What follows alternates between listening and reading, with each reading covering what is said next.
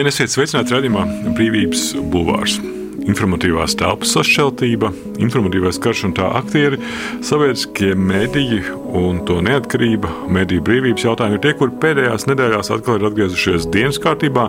Mūsu studijas viesis ir Vidzemes augstskolas atstātais profesors, eh, komunikācijas zinātņu pētnieks Jānis Buhals. Labdien! Labdien! Par mediju politiku var sacīt dažādas lietas, gan labas, gan sliktas. Laba ir tāda, ka viņi noteikti ir. Proti, tā ir laba tēze, kas varbūt sākumā izklausās kā ļoti tāda vienkārša, bet tomēr man šķiet, tas pats par sevi jau īstenībā ir sasniegums par to, ka mēs esam politiskā līmenī sapratuši, ka tāda lieta ir vajadzīga. Proti, ka mēs nevaram ļaut, lai tas viss iet eh, pašplūsmā, lai to regulē brīvais tirgus, kā nu tur sanāk, tā tas viss ir.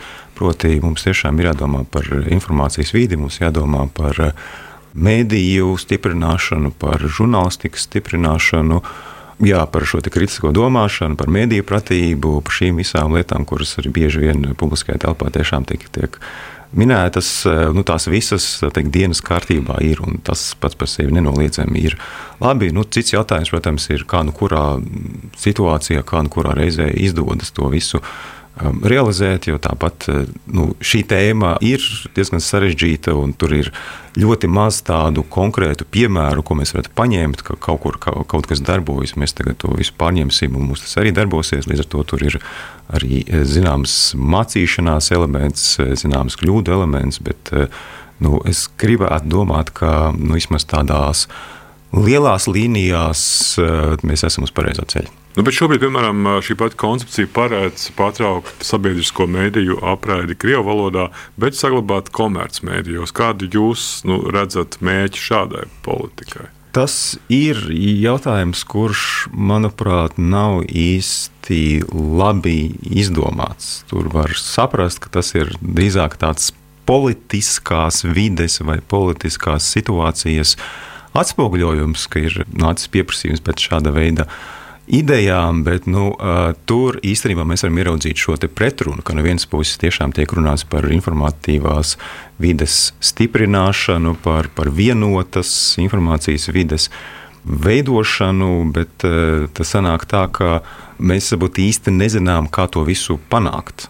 Iespējams, ka tā fantāzija tajā visā pasākumā ir tāda, ka, ja mēs pārtrauksim uh, atbalstīt jebkādā veidā šos krievlodīgos e, mēdījus, un ja viņi būs mazāk un viņi radīs mazāku saturu, tad tas kaut kādā veidā palīdzēs e, visiem pārējiem mēdījiem latviešu valodā strādājošajiem, un proti, ka krievlodīgie, kuriem kaut kādu iemeslu dēļ šis saturs, kas ir krievlodā, tomēr ir ērtāk uztverams, ka viņi pēkšņi sāks tagad e, vairāk lasīt, klausīties mēdījus latviešu valodā, kas es baidos, ka tas nenotiks, jo tam ceļam uz šo informācijas vidas stiprināšanu, viņiem, viņiem, manuprāt, vajadzētu būt tādai divu pakāpju. Pirmā pakāpe ir, ka mēs vispār cenšamies veidot vienotu informācijas vidi, cik nu vien tas ir iespējams, un tā nākamā pakāpe ir par to, ka tā informācijas vide ne tikai vienota, bet arī veidota uz latviešu valodas pamata, kas pats par sevi, protams, ir ļoti labi. Tas ir tas, kā tam būtu jābūt.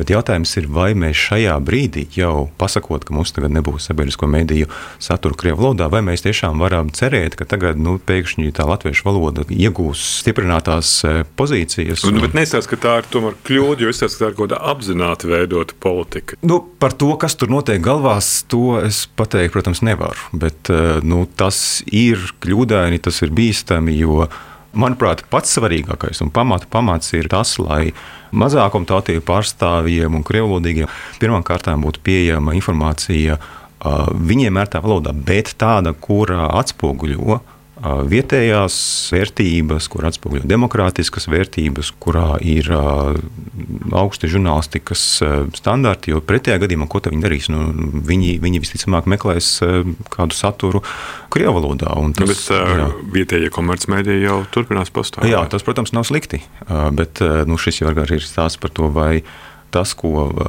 rada vietējā komercmedija Krievijas valodā, vai ar to pietiek, vai, vai ar to pietiek, lai apmierinātu visas vajadzības. Nu, man šeit tas spilgtākais piemērs, kas arī izskanējis pēdējās nedēļās, kad tiek runāts par šo koncepciju, ir Godvēl Latvijas Rādio 4 kurš nu, kaut kādā nu, lielā mērā sniedz informāciju tādu, kurai pat īsti alternatīvas nav. Man šeit nesen bija prezentācija kultūras ministrijas pasūtītām pētījumam, ko veica Kantāra, kas arī bija par Latvijas iedzīvotāju mediju izvēli. Un tur viens no secinājumiem bija tāds, ka šo te Krievijas televīzijas kanālu slēgšana nenozīmē, ka tagad masveidā visi sāk skatīties televīzijas kanālus latviešu valodā.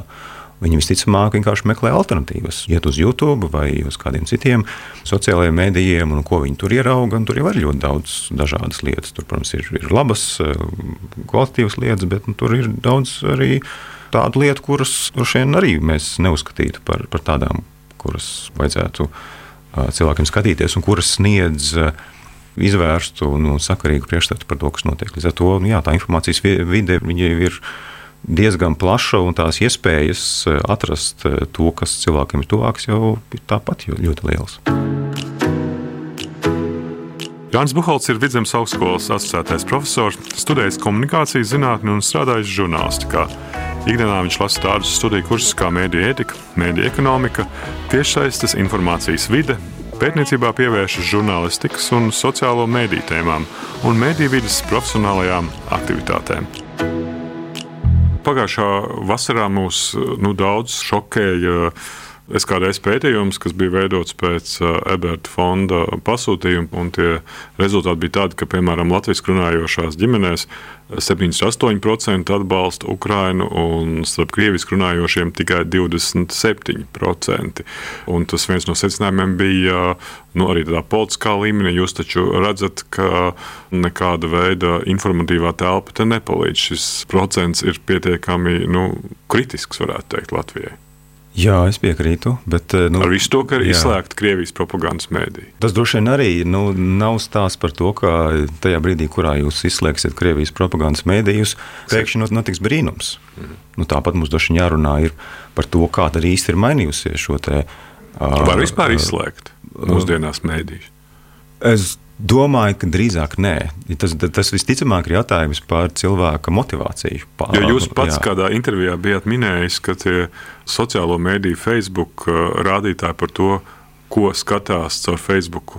Latvijā ļoti bieži norādīja, ka caur Facebook tiek saņemti dažādi veidi izgriezumi no Krievijas propagandas mēdījiem. Mm -hmm. Nu, cik bieži, cik nē, tas ir droši vien skaidrs jautājums, bet, bet kopumā jā, tas ir tas, ko mēs uh, varam redzēt nu, ja šis saturs nav pieejams tādā tiešā veidā, ja mums ir nobloķētas interneta vietnes, ja mums ir ierobežota vai, vai nogriezta iespēja mm, skatīties šīs televīzijas, tas nenozīmē, ka šī informācija vispār nepienāk pie mums. Un, un, ja, ja cilvēks ir pietiekami motivēts, viņš, protams, atrod veidu, kā šo informāciju skatīties. Nu, šajā ziņā droši vien tā cerība ir tāda, ka būtu kādu tādu augsti motivētu cilvēku varētu nebūt daudz. Nu, šeit, ka nav tā, ka viņi ir maz. Ir kaut kāda auditorijas daļa, kurai tajā brīdī, kurā viņi vairs eh, ierastajā veidā vairs nevarēja piekļūt eh, televīzijai un šiem attiecīgajiem portāliem, varbūt viņi sāka meklēt alternatīvas. Droši vien, viņi, viņi tajā brīdī arī kāds vismaz pamanīja, ka eksistē alternatīvas, ka mums ir vietējie krievlodīgie mēdīji, ka mums ir krievlodīgie mēdīji no Eiropas, kuri arī tomēr raida pat no Rīgas.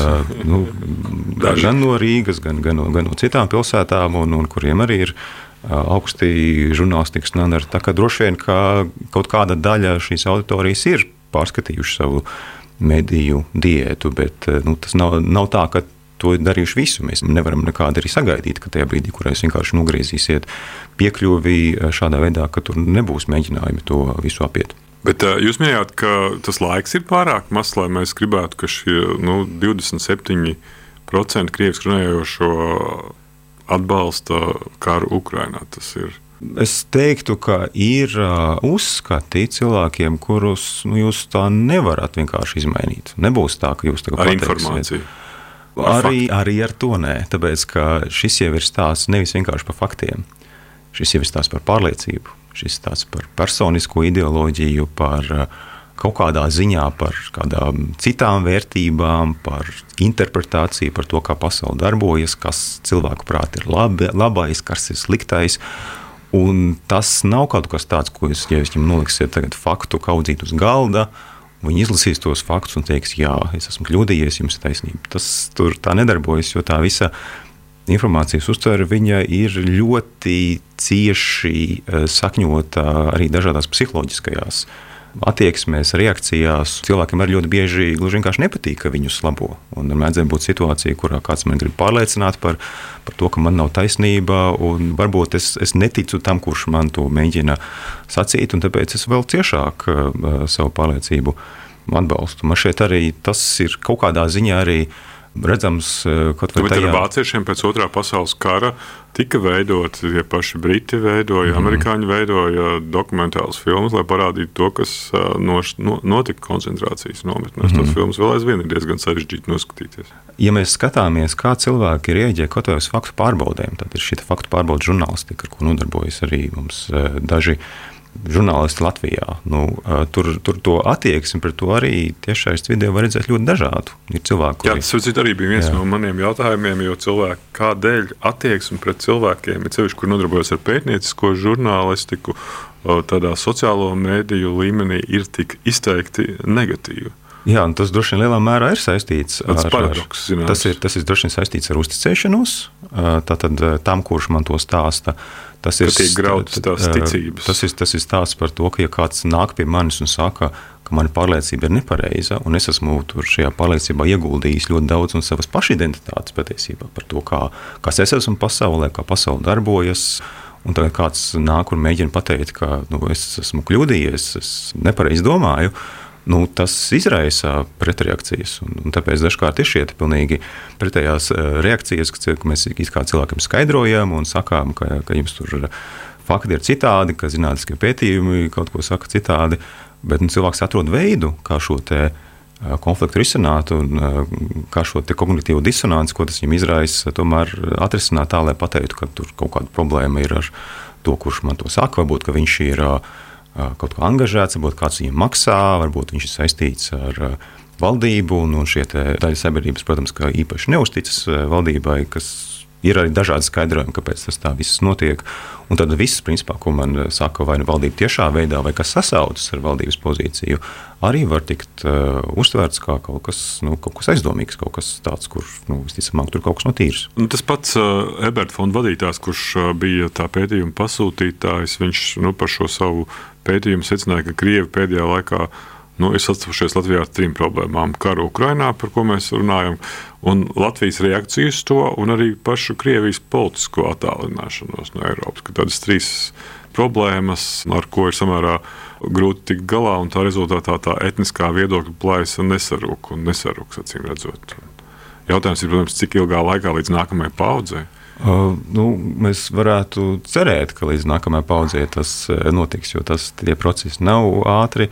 Vai vienkārši paudžu nomaiņu pietiks, tas arī ir uh, sarežģīts jautājums. Jo nu, tas, kā mēs izvēlamies uh, to informāciju, kuru patērēt, kurai uh, ticēt, jau arī saistīts ar dažādām lietām, dažādiem um, skaidrojumiem. Tas ir gan saistīts ar to, ko, ko mūsu vecāki mums saka un ko viņi skatās, klausās. Tas ir stāsts par, par izglītību, par, par to, kas notiek skolās un augstskolās. Tas ir stāsts par um, cilvēkiem, ar kuriem mēs ikdienā sazināmies. Tur var būt dažādi šīs personīgās informācijas vides, eh, kurās mēs esam. Bet, bet nu, jā, es teiktu, ka laika gaitā droši vien ar pārdomātu mediju politiku, nu, vismaz kaut kādus eh, uzlabojumus eh, ir iespējams veikt. Gan karš, gan arī politiskā kultūra kopumā ir radījusi jaunu tendenci, manuprāt, Latvijā, kur jūs arī pats esat rakstījis, citējot, jums nebūs apšaubīt nezinu, ministriju vai ministrijas viedokli. Šajā gadījumā nebūs jums tiesība kā žurnālistiem apšaubīt drošības koncepcijas autors, no kurienes šis rodās. Un cik lielā mērā nu, ir riskanti šāda veida politiski uzstādījumi attiecībā uz mediju brīvību kopumā. Viņi ir riskanti, ņemot vērā, ka nu, žurnālistiem tomēr ir šis viens no pirmajiem galvenajiem uzdevumiem ir būt par sarksuņiem. Līdz ar to, ja mums ir dažādas politiskās idejas par to, kā vajadzētu darīt, ko vajadzētu darīt, nu, žurnālisti ir vieni no tiem, kuri veido diskusijas, kuri uzdod jautājumus, kuri mēģina saprast arī kādas alternatīvas, un kuri var nonākt arī pie secinājuma par to, kādas no šīm politiskajām idejām nav gluži pareizas. Un, jā, droši vien tajā, tajā brīdī, kurā mēs sākam paļauties uz šiem saukļiem par to, ka ir kaut kas, ko ir pateikuši politiķi, kas ir vienkārši neaizskarams un, un par to diskutēt nedrīkst, nu, tas arī ir nepatīkams signāls. Var uzdot uh, vispārīgu jautājumu, ko vajadzētu darīt žurnālistam, ja tas nonāk pie tāda secinājuma par Latviju, kam ir līdzības ar ārvalstu propagandas vēstījumiem. Noklusēt, jo šādi secinājumi gandrīz noteikti tiks izmantoti pret pašu valsti, tā skaitā sagrosītā veidā. Tomēr ziņot sabiedrībai, jo žurnālista pamatpienākums ir sniegt informāciju, tā skaitā kritisku, nevis nodarboties ar valsts un tās struktūru sabiedriskajām attiecībām. Neatkarīgas žurnālistikas ideāli liek izvēlēties informēšanu. Tieši izgaismojot nebūšanas, žurnālisti var veicināt to novēršanu. Neignorējot problēmas, bet par tām runājot un tās risinot, ilgtermiņā tiek stiprināts arī valsts struktūra un sabiedrības noturīgums pret propagandu un citām politisko cīņu metodēm. Tā portālā LSM raksta Jānis Buholts ko darīt žurnālistam, lai viņa vēstījums neizskatītos un nesakristos nezinu, ar ārējā ienaidnieka propagandas vēstījumu. Kā rīkoties tajā situācijā, ja tie secinājumi ir līdzīgi un tie var tikt izmantot? Uh, nu, tādu formulu nevaru iedot ne es, ne, ne droši vien kāds cits. Nu, nevar neviens pateikt, lūk, kas jums jādara un kā no tā visa izvairīties. Uh, es teiktu, ka tas ir eh, lielā mērā arī pašu žurnālistu profesionālo spriedumu, sprieduma atspoguļojums. Jo tik tiešām ir situācijas, kurās eh, tas, ko žurnālists varbūt pats pēc laba prātā ir darījis, pēkšņi nu, viņš, viņš var tikt izmantots kaut kādā veidā. Līdz ar to, protams, ka žurnālistiem ir jādomā par to, kas ir tas, ko es daru. Jo tikai atklāta informācija un tikai atklāta patiesa informācija, tas nav vienīgais, ar ko nodarbojas žurnālistika. Tāpēc, ka nu, ir daudz, daudz informācijas, kur, kur it kā ir patiesa, bet nu, kura mēdījos nenonāk, vai tāpēc, ka viņa, viņa nav uh, sabiedriski svarīga, vai tāpēc, ka viņa ir pretlikumīga. Nu, ir, ir arī tāda lieta, nu, nu, piemēram, ja kāds žurnālists uzzinātu valsts noslēpumu, un nu, visticamāk viņš nepublicētu šo, tāpēc, ka ir pamats, kāpēc tāpēc tas ir valsts noslēpums. Un droši vien, ka domājot par arī citiem gadījumiem, par to ir uz to jāskatās līdzīgās kategorijās. Tad, kas notiek, vai kas var notikt tad, ja es šo informāciju publicēju, vai tas pēc mana profesionālā sprieduma būs kaut kas tāds, kas darīs kaut ko pozitīvu, vai tas teiksim, veicinās sabiedrības izpratni par kaut ko, vai tas mudinās politiķus citādāk raudzīties uz lietām un pieņemt tādus lēmumus. Proti, kas ir tas, ko es īstenībā gribu panākt? Jo nu, skaidrs, ka es gribu informēt sabiedrību, bet droši vien tur ir vēl kaut kas. Kaut kādi apsvērumi, kuru dēļ man varētu šķist, ka nu, šo te publicēt ir pareizi un ka tas dod labumu sabiedrībai. Publicis Māris Zanders Satori raksta, ka nu, nākotnes vārdā mums vairāk interesē runājot par krievalodīgajiem vecuma grupu no 15 līdz 30 gadiem, un viņš apšauba, ka šai vecuma grupai, viņu priekšstatu pasaulē. Tas, kas notiek Latvijā, diez vai veidojās balstoties uz LTV vai Latvijas radioprogrammām, Krievijas valodā. Kur jūs redzat, kas ir tas nākotnes uh, mēdīju modelis, kurā atrodas, atradīsies uh, šī vecuma grupa? Droši vien, ka nevar gaidīt, ka viņi būs klasiskās televīzijas uh, skatītāji un radio klausītāji. Bet eh, šis droši vien ir arī stāsts par to, kā mainās eh, masu mēdīji un kā viņiem vēl vajadzētu mainīties. Proti, kā mēs vispār saprotam, kas ir mēdījis, un kā mēs saprotam, kas ir žurnālistika un, un kur viņiem vajadzētu būt. Proti, vai mēs gaidām, ka mūsu auditorija nāks eh, pie mēdīja, tad vai viņi, viņi ies uz noteiktu ziņu portālu, vai viņi ieslēgs noteiktu televīzijas kanālu vai noteiktu radiostaciju, vai arī mēs zinām, kur viņi atrodas, un viņi bieži vien atrodas sociālajos medijos, un tad mēs spējam veidot saturu, kas ir pielāgots šai videi. Un tur droši vien mēs viņus varam sasniegt ja mēs zinām, kā. Tas, protams, nav vienkārši. Tur, tur arī ir daudz dažādu izaicinājumu. Jūs domājat, ar sociālo mediju? Uh, nu, pašlaik jau arī tas notiek. Mediju mēķētu. Pašlaik jau lielā, nu, kaut kādā ziņā tas ir notiek. Tas ir tas, ko arī sabiedriskie mediji mēģina darīt ar dažādiem eksperimentiem, ka ir vienkārši saturs, kurš ir veidots tieši ar domu, lai viņš varētu būt ieraudzīts sociālo mediju vidē un tajā izplatīties. Tad nevis vienkārši gaidīt, ka viņi nāks tur uz kādu portālu vai kādu citu šādu tradicionālo mediju institūciju, bet vienkārši veidot žurnālistikas saturu, kurš var izplatīties sociālajos medijos, kurš var būt saistoši noteiktai auditorijai, un tas var būt viens no mēdījiem, manuprāt. Citā kontekstā par mēdīju dienas kārtību pirms neilga laika parādījās uh, sabiedriskā labuma mērījums par sabiedriskajiem mēdījumiem, ko arī veica sociologi vairākās fokus grupās. Un viens no nu, viņu secinājumiem bija atsaucoties uz eiro barometru, kādas problēmas Latvijas iedzīvotāji uzskata par šobrīd svarīgākām salīdzinājumā ar citām Eiropas Savienības valstīm. Un tā atšķirība iezīmējās, ka ja pie mums uzskata par svarīgu problēmu bruņotus konfliktus vai ekonomisko situāciju vai kodolieroču izplatību, tad Eiropā šī problēma, piemēram, ir uh, klimata pārmaiņu nozīmīgums. Jautājums, kā tad būtu jūsuprāt tā redakcionālā politika jāveido, vai pieskaņojoties tai sabiedrības dienas kārtībai, vai arī nu, pretēji veicinot to jautājumu izvirzīšanu dienas kārtībā, kuri varbūt tīri socioloģiski neuztrauc mūs. Es teiktu, tā, ka es gribētu gluži vienkārši aktīvu redakcionālu politiku. Proti, nevis pasīvu, kur skatās kaut kur, kaut kur ko, ko mums saka politiķi, vai vienkārši skaļāk kliedzošie, bet nu, ideālajā variantā tādi, kuri spēj redzēt solīt uz priekšu.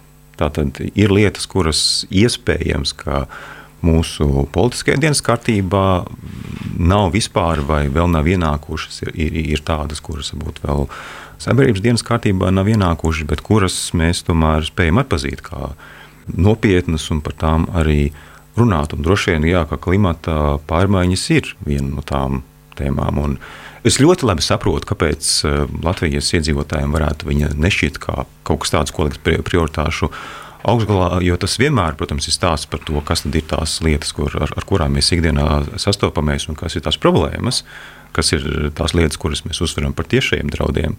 Un droši vien, ka tur ir uh, militārais konflikts, tur ir droši vien dažādas ekonomiskās problēmas, kuras ietekmē mūsu dzīves kvalitāti. Tas ir saprotams, ka tas ir tas, par ko cilvēki uh, ļoti bieži domā un nevar neko pārmest viņiem. Un šīm lietām noteikti jābūt arī mediju dienas kārtībā, tāpēc ka medijiem ir jāspēj arī reaģēt uz to, kas sabiedrībā ir svarīgs. Viņiem jāspēj ir būt par šo aktīvo spēku, arī droši vien ne tikai vienkārši stāsta par to, ka viss varbūt ir slikti vai problemātiski, bet arī ideālajā variantā varbūt piedalās arī kādu konstruktīvu risinājumu meklēšanā, bet droši vien tam nevajadzētu būt tikai arī iešanai kādu jau esošu aktualitāšu pavadā. Viens arī no šiem fokus grupas secinājumiem bija jautājums par to, varbūt, ka veids, kādā uzrunāt krievalodīgo Latvijas sabiedrības daļu ir nevis tieši konfrontēt ar jautājumiem par karu un Ukrainu, bet sākt ar nezinu, lokāliem ekonomiskiem jautājumiem, kas viņus interesētu vairāk. Vai tā ir taktika vai stratēģija, es... kādā mēdījā savu redakcionālo politiku var veidot, vai varbūt gluži pretēji. Mums tieši būtu vairāk ar šo auditoriju jārunā par Ukraiņas notikumiem. Es teiktu tā, ka labs sākums tam visam būtu identificēt lietas, kuras mums ir kopējas. Tad mēs dzīvojam vienā valstī, un droši vien ir lietas, kuras mūs skar uh, vienādā mērā neatkarīgi no valodas, kurā mēs runājam, un daudzām citām lietām. Un droši vien, ka tādi ekonomikas jautājumi vai kādu sociālo problēmu jautājumi tie varētu būt viens no tiem, kas īstenībā var veidot mums e, spēju saprasties. E, bet tas, protams, nenozīmē, ka mums nevajag runāt arī par tām tēmām, kuras mūs šķēļ. Jo tas, tas ir bieži vien tas tiešām ir stāsts par spēju diskutēt, tas ir stāsts par spēju saprast, kāpēc mans oponents vispār domā tādās kategorijās, kas ir tas, kas ir viņam līdz nonāk pie tās realitātes versijas. Un, ja mēs to sapratīsim, mēs droši vien arī spēsim izdomāt, kā labāk ar viņiem runāt.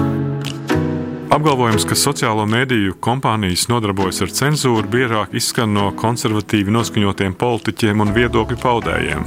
Kaut kādu iemeslu dēļ tieši šie politiskā spektra pārstāvji situācijās, kurās kāds to saturs tiek dzēsts, interpretē kā vēršanos pret savu ideoloģisko piedarību. Ja kāda indivīda politiskie uzskati ietvertu vēršanos pret citām rasēm, dzimumiem, etniskajām piedarībām vai aicinājums uz vardarbību, šie ir daži no Facebook satura vadlīniju pamatprincipiem, tā tas sanāktu.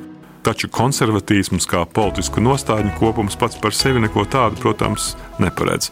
Ja kāds, kurš sevi sauc par konservatīvu, izplata, teiksim, seksistiskus, rasistiskus vai gluži vienkārši faktiem neatbilstošus apgalvojumus, šis saturs tiks dzēsts ne jau konservatīvismu dēļ. Tā portālā LSM raksta Jānis Buholts.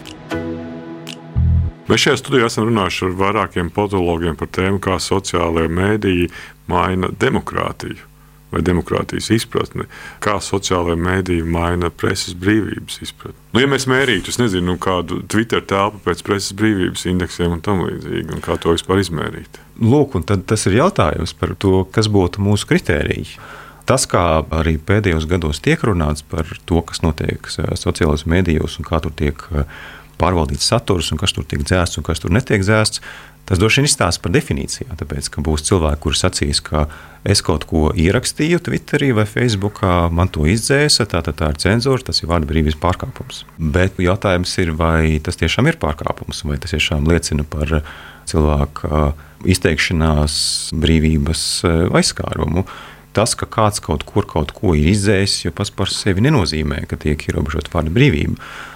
Mēs to varam salīdzināt arī ar kaut vai to, kā notiek uh, valsts pārvalde vai pilsētu pārvalde. Un tāpat mēs sagaidām, ka mums ir policija, mēs sagaidām, ka mums ir uh, cilvēki, kuri veido vidi pievilcīgu citiem. Un ja, un, un ja kāds, piemēram, ir nodzējis grafiti uz sienas, kas uzrakstīts, nu, tā jau ir no cenzūra. Bet to, to var interpretēt kā mākslas cenzūru. Nē, nu to var, bet es neesmu pārliecināts, ka katram, kurš vēlas uh, sacīt jebko, šīs te izteikšanās tiesības vienmēr pienākas.